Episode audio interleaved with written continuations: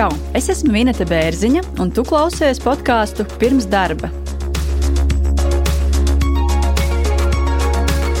Te skan cilvēcīgas un saprotamas sarunas par darba meklēšanu un atrašanu. Čau, klausītāji! Šodien ir trešās sezonas noslēguma epizode. Vasarā dosimies nelielā atvaļinājumā, krāsim spēkus un idejas jaunajai sezonai, bet, protams, nekur nepazudīsim. Otradienās varēsiet klausīties epizodes. Šodien, starp citu, pēdējā mūsu sarunā arī būs citādāks formāts. Un šodien runāšu ar Juri, ar podkāstu pirms darba producentu. Tā kā mēs abi nākam no personāla atlases, tad mums ir, ir ko pastāstīt. Intervējot darba meklētājus, esam pierakstījuši dažādas atziņas. Un uh, viena no pēdējām epizodēm, kas bija 18. epizode, kura bija ļoti klausīta, uh, tur šī tēma bija par to, ka cilvēki mm, nereti ir pārāk kvalificēti, jeb angļuiski sakot, overqualified. Un šodien ir viena no tām tēmām, ko mēs gribam apspriest vairāk. Un otra tēma savukārt būs par um, cilvēkiem, kuriem ir varbūt grūtības darba meklēšanā, jo jau ir vecums, teiksim, tā klauvē pie durvīm, piemēram, 50. Plus, un par šo tad arī šodien runāsim. Pirms mēs klausāmies klausāmies to uh, epizodes, to fragment, es varbūt vispirms pateikšu labdien! klausītājiem. Un paldies tev, ka piekriti ša, šim te eksperimentam, kas man ir ļoti interesants arī tīri privāti, jo arī es esmu tavā pieminētajā vecuma grupā, kuriem, ja būtu tāda situācija, ka būtu jāmeklē darbs, nebūtu viegli. Tāpēc man pašu šīs jautājums interesē, un tāpēc mēs izlēmām, ka mēs paši no sevis piekomentēsim to, ko mēs ko varbūt nevarēja. Ja? Nu, atnāk cilvēks, viņš stāsta par sevi, mēs koncentrējamies uz viņu, tu uzdod viņam jautājumus, ja mēs vairāk apspriežam to, kas viņu konkrēti interesē, un pēc tam varbūt pie izslēgtiem mikrofoniem mēs šeit parunājam arī kaut ko citu. Mums radās kaut kāda sajūta, ka varbūt varētu kaut kā vēl šito piebilst un to piebilst. Nu, un šitā nu, būs tā epizode, kur mēs kaut ko piebilstam no sevis, jo mums liekas tas eh, pietiekami interesanti un cerams, ka tas būs arī noderīgi. Nu jā, tagad varbūt noklausāmies to pirmo eh, fragment, kuru mēs bijām izvēlējušies kā mm, pirmo apspriešanai eh, uzlikto. Es pielāgoju viņu, piemēram, ja es sūtīju finansistu vai kādu finanšu to amatu, tad es ņēmu ārā. Jo tāpēc, ka parasti saka, ka jāņem ir tā kā ārā. Tad, kad iet uz galvenogrādu, tad es lieku iekšā. Mm -hmm. nu, es tā skatos, kombinēju. Iespējams, ka es ne to versiju nosūtīju.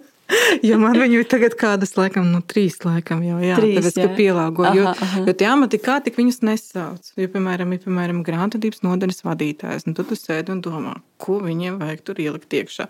Tad tu lasi to pašu sludinājumu, un tad tu skaties, nu, šī tas it kā varētu derēt. Tas vesels mākslas darbs, ja godīgi pielāgot to CV tieši tā, lai tev tā kā, nu, ierauga un pamana. Tā tad tu, tu pat atceries to sarunu. Protams, jā, kā vakar. Un tas bija uh, viens no taviem uh, padomiem, ko tu uh, Dagnijai konsultācijas laikā ieteici mainīt CV. Tātad par CV mums, mēs esam runājuši daudz. Tev nav pašai apnicis jau vispār. Tas tāds labs jautājums no vienas puses varbūt um, Varbūt kaut kādā ziņā jā, jo pie manis, protams, nāk cilvēki, un tad, ja godīgi, tad vienmēr sanāk vienu un to pašu bez mazoja atkārtot. Nu, runājot par tām konsultācijām par CV, nu, tā paša pielāgošana.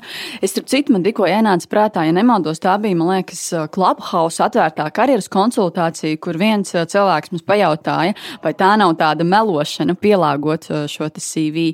Nu, es arī toreiz atbildēju, ka, manuprāt, nav, un tad uh, šodien mūsu sarunā mēs tā kā ar Juri gribam to izcelt un atgādināt darba meklētājiem, ka tā nav melošana, pielāgošana, jo pēc tam arī varbūt to, ko tu neesi norādījis šajā CV, pēc tam tu vari izskaidrot darba intervijā, par to, par to mēs arī vēlāk runāsim, bet noteikti to vajag darīt. Nu, ta, tas ir mans ieteikums. Jā, es uh, savu ieteikumu ietērpšu tādā tā kā tēlā vienā. Es gribētu klausītājiem piekodināt, ka jūsu CV nav nekāda jūsu lietošanas instrukcija. Tas nav tāda veida dokuments, kur ir jābūt visam ar domu, ka to jāsaprot tikai un vienīgi tā, kā tur rakstīts, viennozīmīgi un jāsako punktu pa punktam.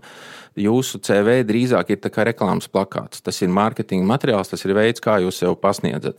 Un, un tieši tā pret to droši vien jāizturās.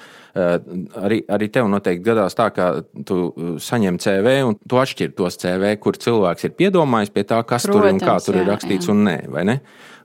Pašai, kā tev šķiet, tur ir kaut, kāds, tur ir kaut kādas pareizās, nepareizās receptes, vai tur ir gaume, vai kas tur, kas tur ir svarīgi, tā, kad strādā cilvēks ar savu CV? Nu, nē, es domāju, ka noteikti nav pareizās, nepareizās. To es vienmēr atgādinu, ka nav pareizās formulas. Man bieži vien prasa, Kas, kas ir tas ideālais variants, ko tad likt CV? Pirmkārt, uh, konsultants nevar te uztaisīt CV, tev ir pašam attiecīgi jā, jātaisa. Viena no tām biežākajām kļūdām, ko darba meklētāji pieļauj, ka viņi grib pilnīgi visu ielikt CV, pilnīgi visas prasmes, pilnīgi visas programmas, pilnīgi visu darba pieredzi, visu izglītību, visus kursus. Nu, tās laikam ir tas lielākais klupšanas akmenis, ka tu saliec pilnīgi visu. Tur ir Rosols tavā CV un atverot tavu CV darba devējs pilnīgi neko nesaprot saprot, kas tu esi, ko tu gribi. Man personīgi ļoti nepatīk šis te Eiropas CV. Viņa vienkārši ciest nevar, ja godīgi. Nu, tik garlaicīga tā forma, un, un tur ir visi šie standarta frāzes, tur tās organizatoriskās prasmes, komunikācijas prasmes, un galvenais, ka neviens tur neko nepielāgo. Viņi visi kopija paste darba devēja saliek iekšā.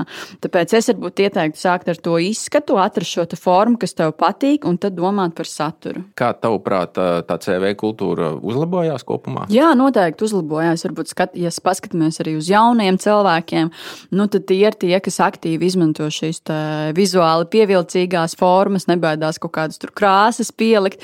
Nu, protams, dažreiz varbūt pat ir pat raku, ka varbūt tu nesaproti, kur tu piesakies, ka varbūt tā vakants nav tik radoša un tavs CV tur ir ar puķītēm, putniņiem un vēl kaut ko, un varbūt tu radi varbūt netik pareizi iespēju par sevi. Nu, te ir jāsaprot arī, arī ka, ka, kas tu esi. Ļoti daudz arī pieļauj tādu kļūdu, ka tagad dzirdējuši, ka ļoti moderni taisīt CV uz vienas lapas, un tad izņem ārā visus darba pienākumus pienākumu saraksti tikai, um, kur tu esi strādājis, un aizmirst ielikt galveno lietu, kur kāda ir tava sasnieguma, ko tu esi darījis. Visvairāk man patīk tāda CV, kur ir rakstīts, ka cilvēks ir bijis, piemēram, nu, teiksim, marketinga vadītājs uzņēmumā Bērziņš. Un man tagad ir jāzina, kas tas ir uzņēmuma bērziņš. Ja, nu, kā, kā tas būtu kāds Samsung vai, vai Coca-Cola. Tur nekas nav paskaidrots. Man jāiet internetā, jāmeklē. Un, un, un, un uh, CV rakstītājiem ir jāsaprot, uh, ka mm, to CV kāds lasa, un ja tu ar savu CV ārkārtīgi apgrūtini to lasīšanu, ka, tu, ka tavu CV, lai saprastu, ir kaut kur vēl kaut kas jāgooglē un jāskatās, lai iegūtu kaut kādu priekšstatu, tas nav īsti labi. Taisot savu CV, ārkārtīgi labi jāsaprot, kas ir tās lietas, ko tu gribi pateikt. Un tas nemaz nav vienkārši. Pie tā mēs beigās nokļūsim varbūt ieteikumu daļā, ja, bet, bet uh, ir, ir, ir skaidrs, ja, ka CV ir tas, kā tu sevi vari vislabāk parādīt. Es piln, pilnībā piekrītu. Jā, ja tu strādā varbūt mazpazīstamā uzņēmumā, nu, tad varbūt uzraksti divos vārdos, ar ko tas uzņēmums nodarbojas, cik tur ir darbinieki. Jo bieži vien nu, vispār uzmetot aci nav, nav nekādas skaidrības.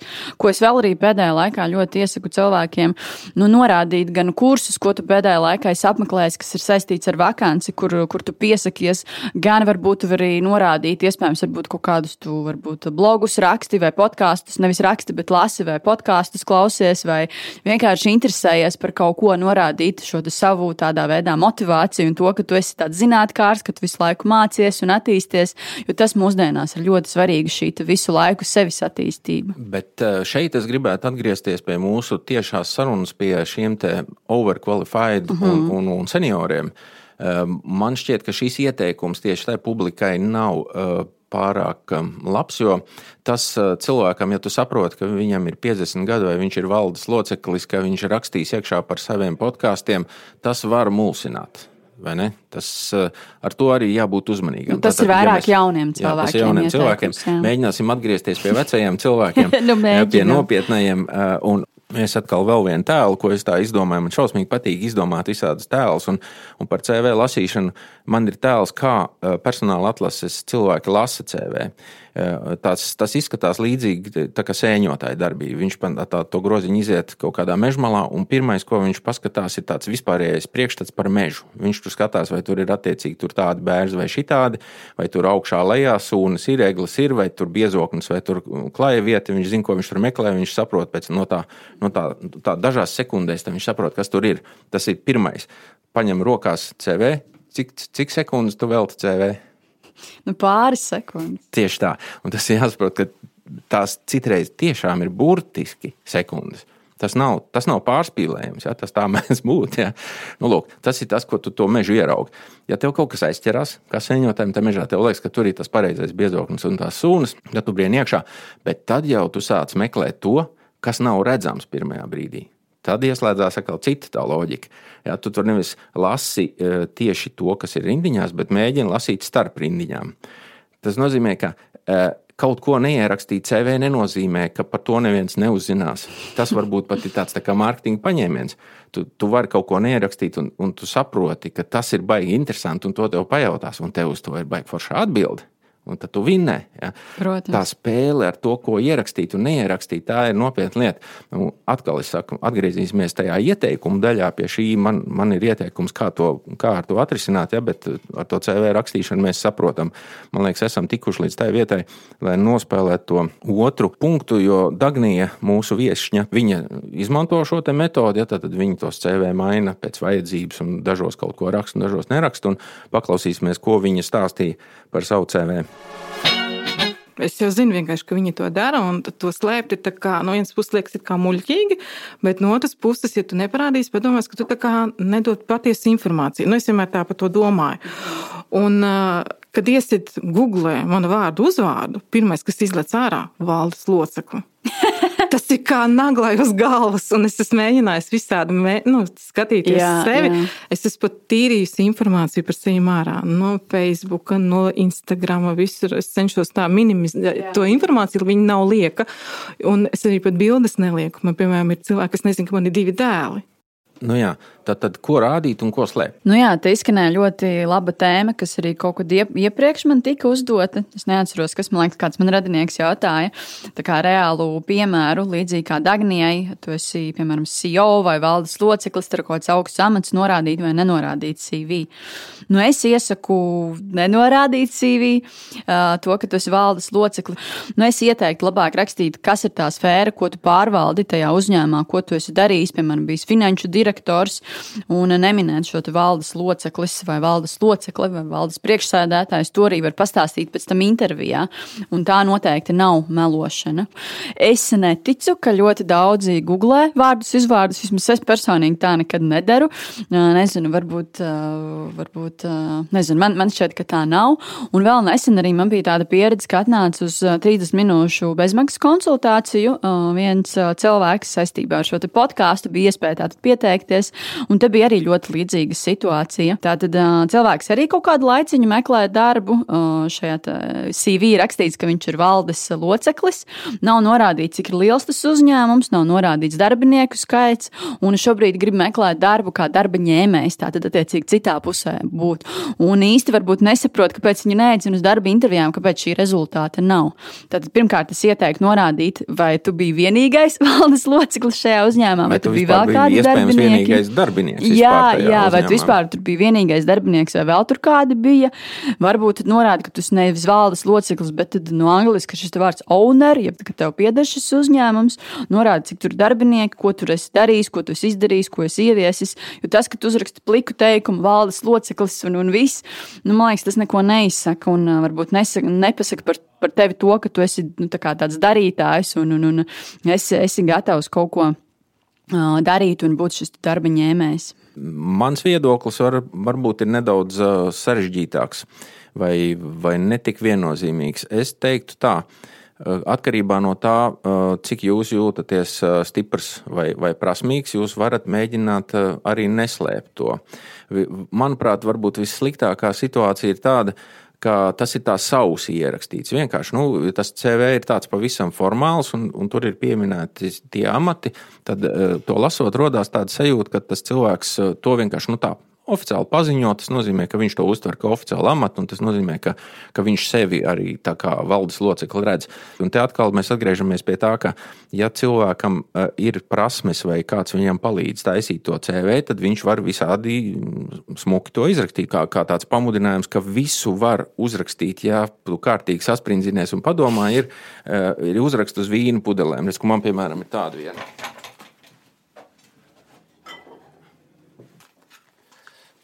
Tā, tad eh, ņemam vīnu pudeli. Viņi visi garšo vienādi, kā zināms, ja, tie, kas maksā vienādi. Ja.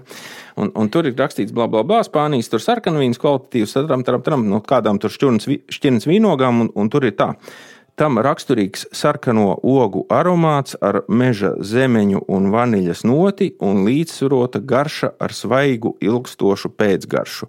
Respektīvi, nu, tas, tas ir nekas, bet ja tu to tā uzraksti, tas izklausās pēc kaut kā tāda.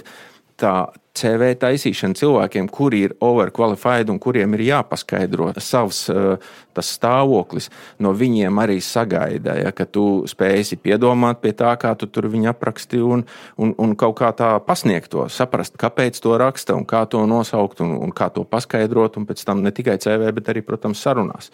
Tā kā mans ieteikums nav tā, ka viennozīmīgi obligāti ir jāslēpj. Tev ir jāsaprot, mm. kurā gadījumā tu slēpi un kurā gadījumā tu to rādi. Un, ja tu to rādi, tev jāsaprot, kā tu to smalki izstāstīsi. tev ir jāuzraksta tā vīna apraksts, ja, tas smalkais aromāts. Labs salīdzinājums. Nu, es laikam gribu paturpināt, kā iesākt to tēmu, ko, ko es minēju. Ja varbūt tu to ne, izvēlēsies nenorādīt savā CV, tad darba intervijā tu vari par to pastāstīt. Pēc tam es tikko atcerējos līdzīgi, nu, varbūt uh, ne līdzīgi, bet attiecīgi kopsaucēju. Uh, nesen bija arī pie mums podkāstā dāma uz interviju, Anna.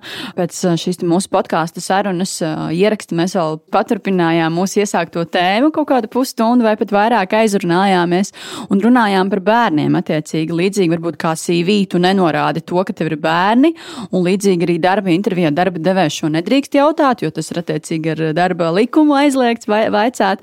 Bet, ja tu jūties attiecīgi tā, ka tu, piemēram, gribi pastāstīt, ka rekur tev ir divi bērni, abi jau, piemēram, iet bērnu dārzā vai skolā, un neslimo, viss ir kārtībā ar viņiem, un trešo tu neplāno, nu tad kāpēc tu pats to nepastāsti intervijā? Uh, nevis attiecīgi kaut kādu, nezinu, mulsumu radi šajā darba devējā. Tas tāds viens piemērs. Nu jā, jo tas ir ļoti svarīgi, ka jūsu CV lasot, tas vai nu darba devējs vai personāla atlases cilvēks grib kaut kādu, kaut ko uzzināt. Un, ja viņam ir pārāk daudz nezināmo, ja viņam tas CV atgādina tādu, ka tur ir baigi viss noslēpts un viņam jāmocās, lai atrastu, tad viņš var tikt nu, sabaidīts, un viņš var negribēt vienkārši ķēpāties. Mēs, personāla atlases cilvēki, tos CV lasām, mums ir zināma nozīme matrica galvā. Ideālais darbinieks, mums ir ideālais darbinieks ar ideālo CV. Tas ir tāds, kuram e, CV ir ierakstītas visas darba vietas, ja, kuram nav starp darba vietām pauzes, un kuram katrs nākamais darbs ir vienu karjeras pakāpienu augstāks par otru, tad mums nekāda lieku jautājumu nav. Tad mums pa viņu uzreiz pieņemam darbā. Jā, jā. Nu, mēs viņu ieliekam vismaz uz tur. Nu, šito, šito apspriedīsim uz interviju, piezvanīsim vismaz pa telefonu parunāties. Jā. Tikko kā jūsu CV parādās kaut kas tāds, kurš kas kaut kur ir pazudis, e, tas var izraisīt interesi, tas var visādi nostrādāt. Jā, jums ir jābūt gataviem paskaidrot par tiem caurumiem, tā kā jums ir jābūt gatavam paskaidrot Un, un eh, ja jūs esat overqualified, tad, tad tas pa daudz labais darbinieks, ja, tad jums noteikti kaut kas būs noslēgts, noslēpts CV, un jums ir jāgatavojas par to stāstīt eh, klātienes sarunās. Jums ir jābūt gataviem tiem tekstiem un paskaidrojumiem. Nu jā, tas, ko varbūt es arī gribu izcelt, arī tas, ko tu minēji, ka ļoti svarīgi ir izskaidrot šo savu motivāciju, kāpēc varbūt tu piesakies uz zemākas kvalifikācijas vakanci vai amatu, kāda ir tiešām tā tava motivācija un, un patiesi. Un konkrēti izskaidrot. Viss sliktāk būs, ja tu atnāc uz darba interviju un tu nemācēsi pastāstīt, kāpēc tu gribi tagad pēkšņi, varbūt uz nezinu, no mārketinga vadītāja kļūt par mārketinga speciālistu. Tu stosties tur sarksti bālu un nevari, past, bālu un nevari pastāstīt. Tātad mājās tev ir uzdevums sagatavot šo atbildi, kas ir pārliecinoši skaidra, kāpēc tu to gribi. Un tad ar šo savu pārliecību tu vari radīt arī pārliecību darba devējām. Jā, un vēl ir jāņem vērā pārāk labs kaut kādam darbam, bieži vien viņam ir divas, divi, divas izpausmes. Viena ir tāda, ka tu meklē darbu savā nozarē, Tu tātad esi bijis, piemēram, finanšu vadītājs ļoti lielā uzņēmumā, kur pakļautībā ir strādājusi gan grāmatvedības nodaļa, gan finanšu vadības un vēl nezināda tur uzskaitas nodaļa. Un pēkšņi tu tagad pretendē uz vienkārši, nu, teiksim, galvenā grāmatveža vai kaut kādu tādu mm -hmm. vietu. Tā ir viena situācija. Un otra situācija, tad, kad tu esi bijis nes kāds uh, speciālists un vadītājs, un, un pēkšņi citā nozarē, citā uzņēmumā pretendē uz kaut ko tādu, kas pilnīgi noteikti nav vadītājs vai tam līdzīgi. Un tās arī ir atšķirīgas situācijas, un atšķirīgi viņiem ir, ir, ir, ir jāpaskaidro ne, tas nav viens un tas pats paskaidrojums uh, abām situācijām. Tev mm. ir jāvar saprast un skaidri un gaiši izstāstīt. Un, ja tu pateiksi, ka uh, nu, es vienkārši gribēju kaut ko pamainīt, ja, tas nedara. Ne? Tu esi dzirdējusi šo? protams, protams, ka ļoti, ļoti bieži esmu dzirdējusi. Bet varbūt paskatāmies tos no darba devēja skatu punkta. Ja, piemēram, mēs esam darba devēji un atnāk šāds cilvēks, kas varbūt darba devējiem nāk prātā tie sarkanie karogi, dzirdot šādu cilvēku, viņš vienkārši grib kaut ko pamainīt. Manuprāt, tā, ka tad, kad viņš dzird, es gribu kaut ko pamainīt, viņš laiž garausim, jo tas tā nav atbilde. Tur ir kaut kas Protams, cits. Jā. Jā pat vēl ne, neieraugot cilvēku, ir kaut kādi aizspriedumi. Un, un tās ir objektīvas, reālas, dabā esošas lietas. Viņas nevar atcelt ne ar kādu likumu. Ir, ta, ir aizspriedumi pret cilvēkiem, kuri ir vai nu pārāk labi tam amatam, vai pārāk veci. Un, un es esmu uh, mēģinājis sadalīt, un, un es saskaitīju piecus būtiskus punktus lai, kas ir tās tie sarkanie karogi, kā tu saki, kas darba devēju baida vai par ko viņš uztraucās, tad, kad viņa priekšā ir šis cilvēks, kas varbūt ir overqualified. Un, un tie pieci punkti, tos varbūt ir vērts uzmanīgi paklausīties un varbūt no šī podkāsta izrakstīt. Tās ir lietas, par kurām tas darba devējs vai tas cilvēks, ar ko jūs savā darba intervijā runāsiet, vai kam jūs sūtat savu CV, noteikti padomās. Un tā tad pirmā ir ir uztraukums, ka šis darbinieks, jaunais, eh, pārkvalificētais, pārāk labais darbinieks, mācīs eh, jūs dzīvot. Viņš zina labāk par jums, kā vajag pareizi to darbu darīt. Viņš ir gudrāks par vadītāju. Un nedod Dievs vēl uh, aizstās vadītāju, un tagad būs labāks, un tagad vadītājiem būs jāiet projām, un šo pieņems augstākā amatā. Tas ir, un, un, un tā, tā tas mēdz, tā tas mēdz notikt, un tā tas ir, tā tas mēdz gadīties.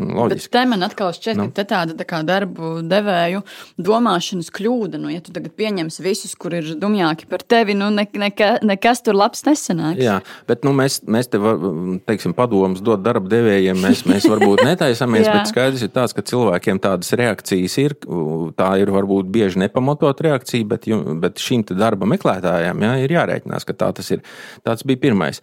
Otrais var būt slikti ieradumi no iepriekšējām darba vietām. Tas nozīmē, ka e, cilvēks ir strādājis, nu visbiežāk tas varbūt uzklājās virsū uz vēl tādu e, parādību, kā cilvēks nāk, piemēram, no valsts iestādes tos cilvēkus privātajā biznesā nepārāk mīl, vai, vai cilvēks nāk no kaut kādas ļoti lielas firmas uz ļoti mazu. Ja, un cilvēkiem priekšstats, nu, viņš ir lielā firmā, tur gaiteņi, tur kabineti, katram savu atbildību, vai nezinu, ko citi dara, vai, vai otrādāk, mm. un tad atkal viņš neierakstīsies.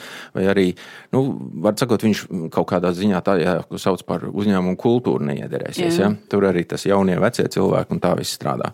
Tad trešā lieta ir, ka tas mm, cilvēks, kurš jau ir bijis vadītājs, parasti šķiet, ka viņš nebūs gatavs darīt fizisku un vienkāršu darbu, ka viņš mēģinās tikt vaļā no tiem pienākumiem, ko citi dara, un viņš ar tajā pašā vietā.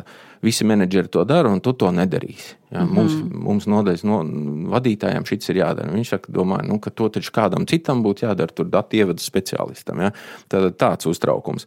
Ceturtais ka uh, cilvēks, kurš nāk no augstākas pozīcijas, visticamāk ir saņēmis lielāku algu nekā solītā. Tas tad ir tā pirmā pazīme tam overqualified. Ja viņš nāk uz kaut kādu mazāku algu. Jā, viņš strādās, viņš būs neapmierināts.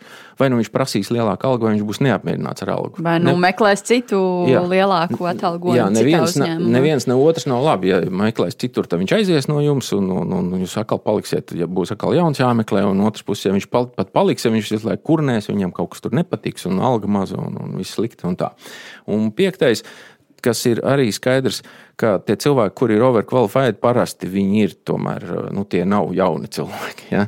Un, un tad ir tā, ka, nu, jā, vecs, nu, pēc 40, nē, nu, tur, tur jau nav enerģijas vērk. Trūksēs enerģijas, nebūs iniciatīvas. Ja? Mums tur ir sevišķi, ja tas amats ir kaut kādā veidā saistīts ar kaut kādu pārdošanu vai kaut kādu aktīvu darbošanos, ja? tad viņam tur nebūs enerģijas, viņš tur sēdēs.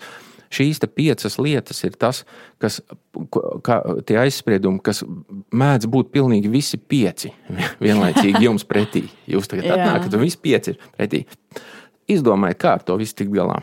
Aktīvs. Ja, un, bet iedomājieties, ja es, piemēram, sevi šajā situācijā iedomājos. Es laikam pagaidām vēl ne. Bet, starp citu, Jūras, laikam, te vēl vienu punktu nu, nu, pieliku klāt nu. tavējiem. Tas, ka bieži vien darba devējs padomā, ka takš būs garlaicīgi šim cilvēkam pastrādās trīs mēnešus un apniks un meklēs lielākus izaicinājumus, tur dinamiskāku vidi vai gribēs savu komandu un ātri aizies. Nu, tas ir stereotips. Jā. Un, un varbūt uh, labākais, kas ar jums var notikt, ka uh, dažus no šiem jautājumiem jautājumiem jums uzdos tieši darba intervijā, jums būs iespēja uz viņiem tiešā veidā atbildēt. Argumentēt, nu, jā, kaut, kā jā. To, kaut kā to nodemonstrēt, ar mm. kaut ko mm. pierādīt. At, atgriežamies, ka būs vēl ieteikuma daļa, un tur varbūt kaut kas no tā jums noderēs. Bet uh, dažus no šiem jautājumiem, teiksim, par to enerģiju, nu, jums neviens neprasīs. Nu, ziniet, vai jūs tur enerģisks vai tam līdzīgi. Ja? Nu, tur jums ir, zināmā nozīmē, jāatstāj tāds iespējas. Jā, jā. Jā, vienkārši, ka jūs neesat tā, ka nāvei parādā un knapi atvilcies uz šejienu un, un uz to darbu, nu jau nu, taču vairs neatnāks ja, tur, tur, tur, tur cauri. Ja. Tā, kā, tā kā šādi tie aizspriedumi ir, un tad jautājums ir par to, nu, ko tur, ko tur darīt. Ja? Ka ir skaidrs, ja, ka tam, tam cilvēkam, kurš pēkšņi kaut kāda iemesla dēļ meklē darbu, darbu, kurš ir zemāks par viņa iepriekšējo kvalifikāciju, nu, viņam ar to viss jāsaskarās. Nu, tad jautājums, kā ar to tikt galā? Lūdzu, minūti tavas uzmanības īsam paziņojumam ar noderīgu informāciju. Vai tu zini, kā var palielināt savu vērtību darba tirgū? Ja tu savā darbā strādā ar datiem vai ikdienā izmanto Excel, šī ir tava iespēja paaugstināt savu vērtību darba tirgū. Es pastāstīšu, kā tu vari kļūt par neaizvietojamu darbinieku, nemainot darbu vai profesiju. Tu iegūsi jaunas prasmes, augstāku novērtējumu sava darba devēja acīs un labāku algas piedāvājumu nākamajā darba intervijā. Es, kā personāla atlases speciāliste, varu apgalvot, ka kandidātiem ar labām digitālajām prasmēm ir priekšrocības vakanču konkursos. Es iesaku tev apgūt biznesa datu analīzes prasmes ātrajā kursā iesācējiem, ko organizē kompānija Datorium. Tev pietiek ar Excel zināšanām ikdienas lietotāja līmenī, lai sekmīgi apgūtu šo mācību programmu. Savērtā laikā pasniedzēja vadībā soli pa solim seko latviešu valodā sagatavotiem mācību video, un pēc mēneša varēs ierakstīt savā CV, ka esi saņēmis certifikātu par Power BI apguvi. Nemainot savu profesiju, tu būsi kļuvis par vērtīgāku darbinieku savam darba devējam. Power BI apmācību vada pasniedzējs, kurš šī gada laikā iemācījis biznesa analīzes pamatus vairāk nekā 500 studentiem.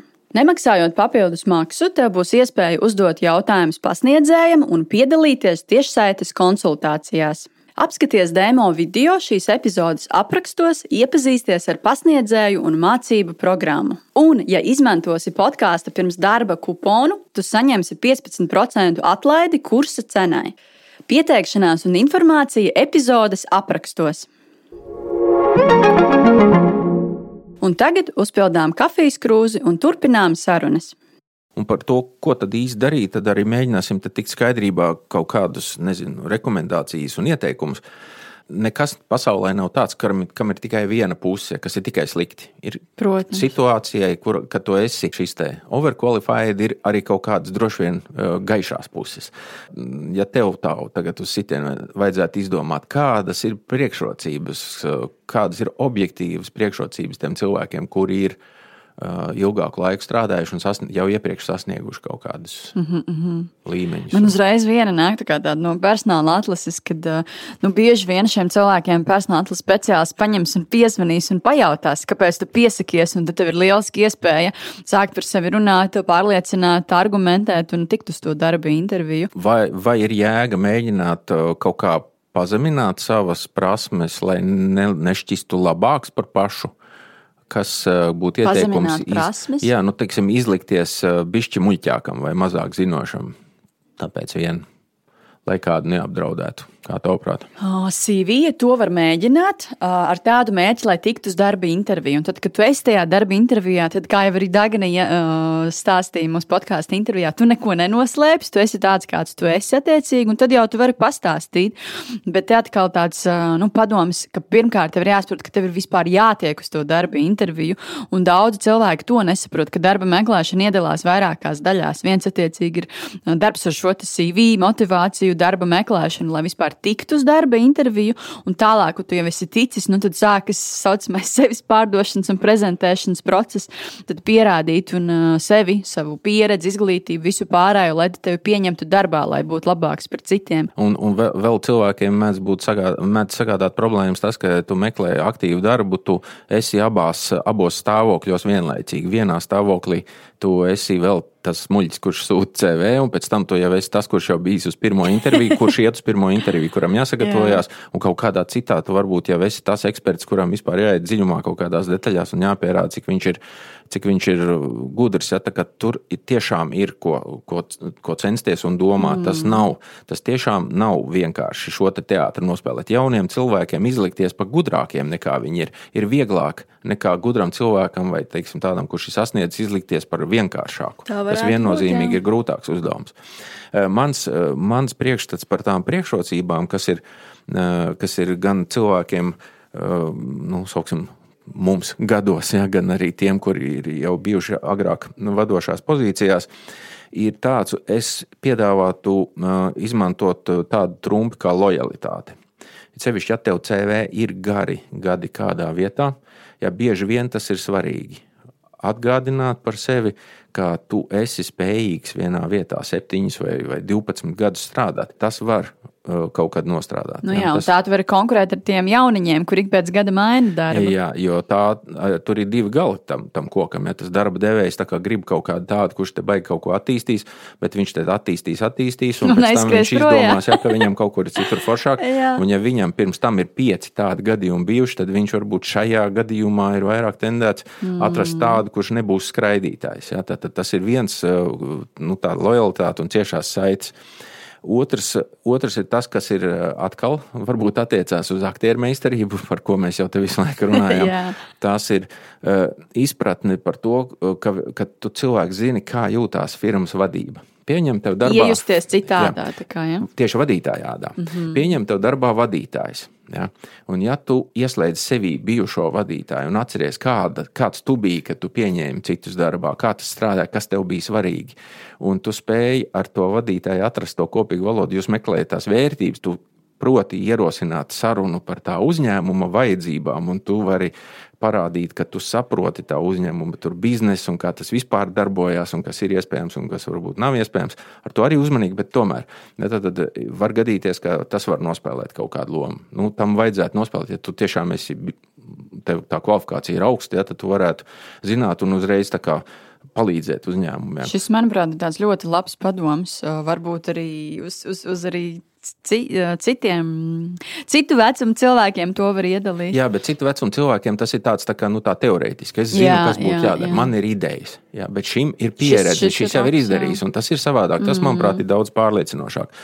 Un no tās pašas sērijas vēl ir uh, tas pats, kā tāds pieredzējis darbinieks. Uh, principā no viņa varētu sagaidīt, ka viņš pienes klāt uzņēmumam biznesu. Ja jums ir iespēja uh, kaut kādā veidā parādīt, ka kopā ar jums atnāks kaut kāds vai nu kaut kādas jaunas zināšanas vai kaut kādi jauni kontakti. Tas arī var nostrādāt. Respektīvi, visas tās lietas, ko ko jūs esat uzkrājis pozitīvu, viņām jāmēģina atrast kaut kāds pielietojums, kaut kāds stāsts, ja par to kaut kādā veidā pastāstīt. Jā, zini, kas man vēl ienāca nu. prātā. Bieži vien var redzēt tajā pašā LinkedInā tā kā tu atalgojuma līkni, kā viņi mainās pa gadiem. Un uh, ir redzēts bieži vien, ka 50 tev tā kā krītās tas atalgojums. Un uh, te arī tā kā no darba devēja tā kā tāds plusiņš, ja tev jā, ir 50 plus, tad iespējams varbūt, ka tu vari konkurēt ar šo atalgojumu, ka varbūt tie jauniņie, kas ir 30 plus, prasīs krietni krietni vairāk nekā tu iespējams, un arī tādā veidā varbūt dabūsi šo darbu, jo visi būs beigi dārgie speciālisti. Tad tas sasaucās ar vēl vienu lietu, ko es gribēju kā priekšrocību. Ir, ir uzmanīgi jābūt, un tas ir jāpaskaidro, kāpēc tu vari atļauties strādāt par mazāku algu. Un tam, tam būtu jābūt kopā ar stāstu par tavu sakārtoto dzīvi. Ja, tad, tad tu jau esi apprecējies, tev Bērni ir bērni, bērni jau ir lieli, tev vairs nav tāda izdevuma, tu vari atļauties. Jo ir skaidrs, ja tu esi nokļuvis šai situācijā, tu patiesībā esi drusku atkāpies. Tu gribi kaut kādu mierīgāku dzīvi, mazāk atbildību. Nu, tas ir automātiski, jo savādāk mm. tu pretendētu uz to pašu līmeni. Tu Nu jā, nesēdētu, nu vai ne? Skaidrs, ka tu gribi atkāpties, tu gribi kaut ko ziedot. Bet, bet ir tā cienījami, jānoziedo arī sava alga. Par to ir jāvar runāt cienījami un skaidri. Ja?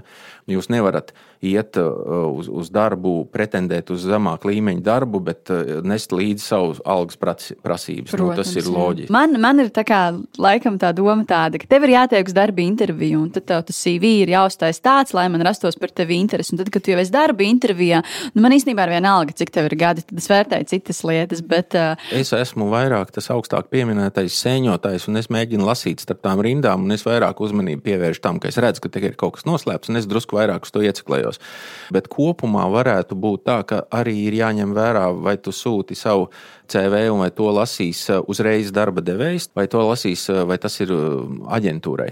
Tās ir dažādas, dažādas attieksmes. No aģentūras visbiežāk varbūt piezvanīs un pārbaudīs kaut vai pa telefonu kaut kādu interviju, par ko darba devējā pēc CV vien pieņems to lēmumu, un cauri tur neviens to nezvanīs, neko neprasīs. Tur ar to CV ir jātrāpa pēc iespējas desmitniekā. Jā. Bet varbūt tu pastāst, ko tu gribēji teikt, Par kaut kādas darba ieteikumus par darba intervijām. Jā. Nu jā, varbūt kur, kur varbūt tev kā darba meklētājiem būtu jāpievērš uzmanība, jo to noteikti skatās darba devējs. Nu, viens ir noteikti kaut kādas programmu zināšanas, tas pats Microsoft Excel. Ja tas ir nepieciešams labā līmenī, nu, tad visticamāk to vērtēs un skatīsies. Uh, otrs ir šīs te valodas, nu, visbiežāk angļu valoda. Tad, ja tev varbūt angļu valoda nav, tad vismaz ej kursos, jo, ja tu darba intervijā pateiksi to, ka tu nerunā un nemācīsies un nezini, tas būs krietni sliktāk. Bet, ja tu pateiksi to, ka tu šobrīd jau ej kursos un ka tu raksti un, attiecīgi, šobrīd arī mācies komunicēt un uh, domā, ka darba vidē tikai būs priecīgs, ja būs iespēja izmantot angļu valodu, tas, tas tev būs tā tāds plusiņš. Vēl arī šīs digitālās prasmes, arī, arī jā, kā iepriekš minēju, dažādu programmu pārzināšanu. Nu jā, tu pārgāji plūstoši pie tās mūsu ieteikuma daļas, ko, ko mūsu klausītāji jau ar nepacietību gaida. ko tad īsti darīt?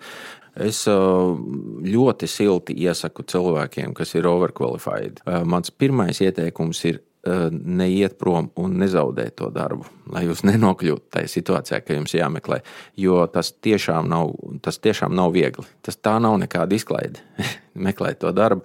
Un, un tā ir objektīvi grūta situācija. Tie aizspriedumi, par kuriem mēs runājam, vai tie tās šaubas, ja, viņas eh, visas piecas vai sešas eh, ir, un ar viņām ir jātiek galā, un jūs tur nevarat eh, neko prasīt, ja likumā nedrīkst diskriminēt, un tāpēc ņemiet man darbā. Tā tas nenotiek. Tāpēc, Protams. tāpēc labāk vienkārši pirmais un, un galvenais ieteikums - labāk nenokļūstiet tajā situācijā. Bet, ja jūs esat nokļuvusi, tad, tad tu jau pastāstīji par šo mācīšanos. Ja tas ir tas pirmais ieteikums, ko droši vien eh, tiešām vajag ieteikt. Es noteikti uzsvērtu to valodu. Tajā tiešām ir eh, jēga likt iekšā laiku, spēku un, un, un, un naudu, lai mācītos valodas un lai mācītos eh, tas, ko, to, ko mm, Vineta, tu pateici, nosauc par digitālajām prasmēm, kas nozīmē visādu specifisku rīku uh, darbināšanu uz datora. Mhm, jā. Es to uh, teiktu tā, uh, skatieties savā esošajā uzņēmumā, uh, ko citi dara. Paskatieties apkārt ap sevi, kā, ko, ko tie jaunie tur dara, ar ko viņi strādā. Un, un mēģiniet uh, neatpalikt tik ļoti, ka jūs vispār nesaprotat, kas tur notiek. Jo, ja jūs baigi atpaliksiet, ja, tad jūs nokļūstat tajā, mm, tajā sarakstā, ja, nokļūsiet darba spēka tirgu, tur prasīs to pašu, un tad jūs būsiet nu, teiksim, tā kā, nu, neapbruņots, nesagatavots. Jā, jā. Tā, nākamais ieteikums, un šeit es nospēlēšu trešo fragment no mūsu intervijas ar Dagniju, ja, kur bija viņas viens ļoti vērtīgs ieteikums. Es laikam ieteiktu cilvēkiem, kas ir jau mana jau tāda, mm, teiksim tā, nu nevar teikt ranga, tas tā skaļi skan, jā, bet cilvēki, kas jau kaut ko jau ir jau, nu, sasnieguši tomēr, viņiem ir jādomā par to, ka vienmēr jābūt drošības pilnam, finansiālam. Bez viņa ir grūti. Jo tagad, piemēram, šī pandēmija, Covid parādīja to, ka eh, sliktā situācija var būt ne tikai viens ģimenes loceklis, bet pat abi. Un tāpēc es vienmēr iesaku, man ir eh, draudzenes, kurām es saku, meitenes, es saku, lai cik jūs labi dzīvojat, drošības pilnam ir jābūt.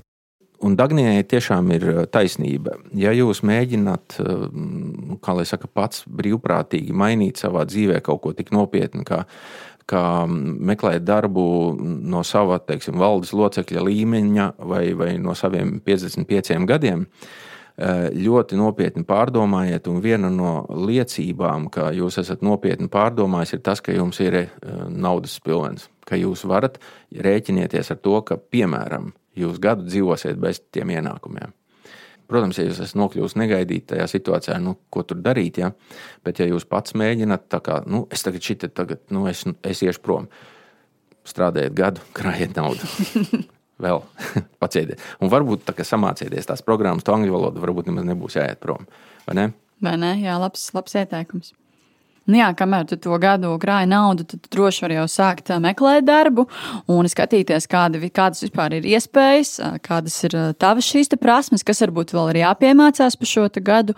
Un tad, tad jā, varbūt būs šī veiksmīgā pārēja. Jo, ja varbūt tā kā nogriezīs ar nazi, uzrakstīs atlūgumu bez iekrājumiem, bez izpratnes, ko tu varbūt tiešām gribi, bez šīs sapratnes, kā meklēt darbu, kā rakstīt CV, nu tur var sanākt diezgan liels problēmas. Tieši tā, jo es gribēju papildināt eh, ar, ar tādu vēl vienu lietu, ko es esmu kaut kad izdomājis, un beidzot man ir iespēja podkāstā to pateikt par pašu darba meklēšanu. Tas tiešām ir smags darbs, tur ir jāiegulda savs laiks, eh, prasme, uzmanība, un tas tiešām ir jāmācās. Ne katrs cilvēks ir tik talantīgs un veiksmīgs, ka viņam tas sanāk. Un pats briesmīgākais ir tas, ka jūs varat mācīties trīs gadus, un tas noderēs vienu reizi visā mūžā iespējams tikai vienu pareizo darbu nu, atrast. Laikam tev nepiekritīšu. Es domāju, ka, ka, ka tāpēc arī cilvēki tik ļoti nezina, kā meklēt darbu un tik bieži dara to nepareizi.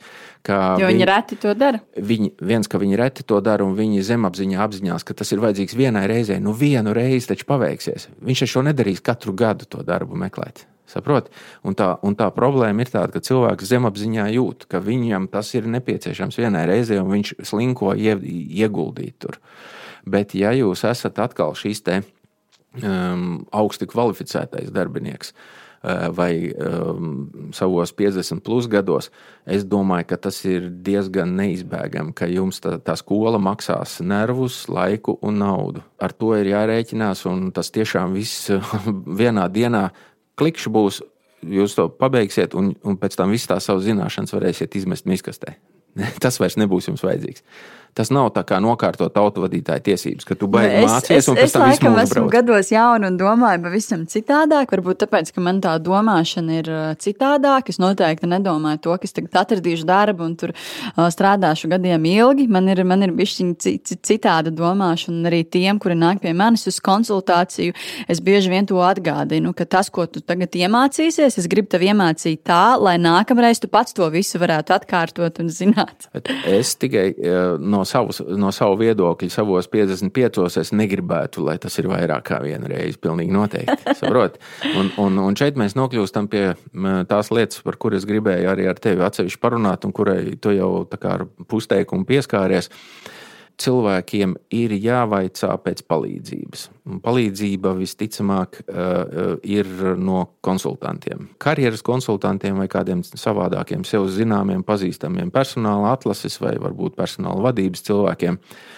Kā tavuprāt šķiet, vai, vai šī atšķirība, ko mēs tikko konstatējām, vai tā varētu nozīmēt, ka ne katrs karjeras konsultants var palīdzēt tieši um, šiem pieredzējušajiem cilvēkiem? Protams, protams, arī es neesmu pārliecināta, vai es varētu, vai es varētu varbūt tik labi kā tu palīdzēt tiem cilvēkiem, kur varbūt ir 50 uh, plus, jo man ir cita domāšana, grū, grūtāk varbūt saprast, ko tas cilvēks īsti domā, un man gribās ieteikt tos ieteikumus, kas ir attiecīgi tas mans skatījums uz dzīvi, un bieži vien tas tā kā neiet kopā un nestrādā. Vai tu piekristu tādam formulējumam, ka tad, kad tu palīdzi ar darba meklējumiem jaunam cilvēkam, jā, tur vairāk ir runa par iedvesmošanu, noskaņošanu un iedrošināšanu. Mm -hmm, protams, jā. Bet uh, tad, kad tavā priekšā ir šis cilvēks, kurš tagad ir sapratis, ka viņš ir situācijā, ka viņš netiek atpakaļ darba tirgū, viņš ir ļoti labs, pa daudz labs, un tad beigu beigās tā konsultācija vairāk pārvēršas par tādu mārketinga un aktieru mākslas konsultāciju. Es nu, to situāciju tā bet, izjūtu. Bet noteikti arī, arī tas pirmais variants, ka tāpat arī tie, kuri ilgstoši nevar atrast darbu, viņiem vēl vairāk nepieciešams tas iedrošinājums un, un arī tas, jā. ka tu pasaki, ka ar tevi viss ir kārtībā, ka, tas, ka tu neesi vienīgais. Jā, tāds. viņi ir jāuzmundrina, bet ja pie manis eh, tāds cilvēks vēršas ar jautājumu, tad Eh, man, es tā kā skarbais dakteris, es pasaku, jā, ka, ka jums ir problēma. Jūs problēmu jūs pats zinat, jūs esat overqualified, jums ir 55 gadi. Nu, tur neko es nevaru palīdzēt. Jā. Tas tā, nu, baigi iedvesmojoši tas nav, bet, nu, ja tu esi pieaudzis cilvēks, tu saproti, kur tu esi nokļuvis un mēģini saņemties, vai ne? Nu, kaut kā tā. No, jā. Es laikam par tiem karjeras konsultantiem ieteiktu darba, darba meklētājiem tomēr saprast, pie kā tu īsti ej. Jo, protams, katram konsultantam ir sava mērķa auditorija, ar ko viņi strādā. Nu, piemēram, es strādāju ar uh, IT cilvēkiem, mārketinga cilvēkiem, personāla vadības un pārdošanas un tādu jomu pārstāvjiem. Un, uh, savukārt, tur, piemēram, ražošana man ir tāda svešāka un šīs visas in inženiertehniskās lietas. Un, uh, nu, tā mana mērķa auditorija arī tomēr ir vairāk gados jauni cilvēki cilvēki, tur 25 līdz 40. Un, nu, ja tā godīgi pie manis varbūt nevērš te pavisam jaunie vai attiecīgi vecie, un tad tev ir jāskatās, jā, ar kādu mērķa auditoriju varbūt strādā šis karjeras konsultants un izvēlēties arī nu, tādu, kur, ar kuru tev būs pa ceļam. Te ir atšķirības, um, bet par vienu, manuprāt, mēs varam būt diezgan droši abi, un, un ar to es gribētu noslēgt kā, kā galveno to ieteikumu visu šo mūsu sarunu.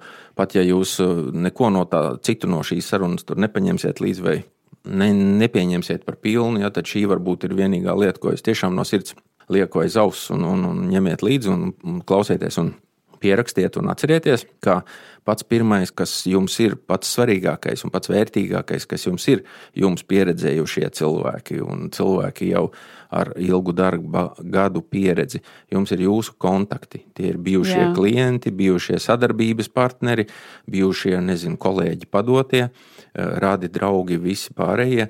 Eh, tas ir tīkls, kuru jūs, kur jums ir priekšrocības pret jebkuru nezinu, 20 un 30 gadnieku. Tas ir Jā, jā tas, tas ir, bet tagad runājot ar darba meklētājiem, es ļoti bieži saskaros, ka gan gados jaunajiem, gan arī gados veciem piemīt tas, ka īsti nevar pārkāpt sev un tagad pastāstīt kādam, ka tu esi darba meklējumos un, un nedod Dievs, tagad man ir kāds draugs vai paziņa ieteiks kādam blatam kaut kur iekārtos un ko tagad par mani padomās.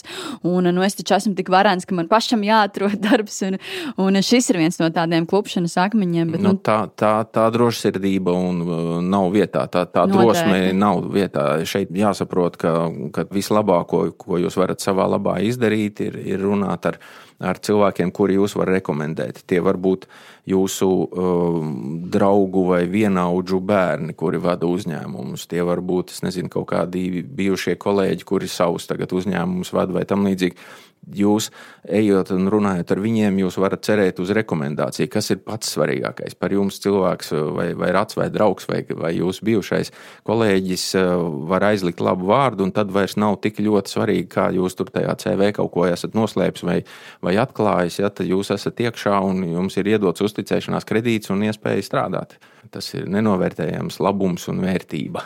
Nenovērtējama jā, jā, vērtība. Nu, noteikti, jā, es te sēžu un māju ar galvu. Labi, eh, tad eh, pie šīs pacilājošās un pozitīvās nots mēs arī eh, šo epizodi pabeidzam. Iesim vasaras atvaļinājumā, varbūt tad vēlreiz pastāstīt, kāda būs podkāstu pirms darba vasara podkāstu pirms darba vasara. Tātad, jā, šobrīd mēs ejam nelielā atvaļinājumā ar Juri, lai krātu spēkus un idejas jaunām epizodēm. Noteikti arī jau satiksimies varbūt ar kādiem darba meklētājiem, darba devējiem. Šo to jau ierakstīsim. Tātad eh, tiekamies visticamāk jūlijā ar jaunām epizodēm, bet, protams, nekur mēs nepazudīsim.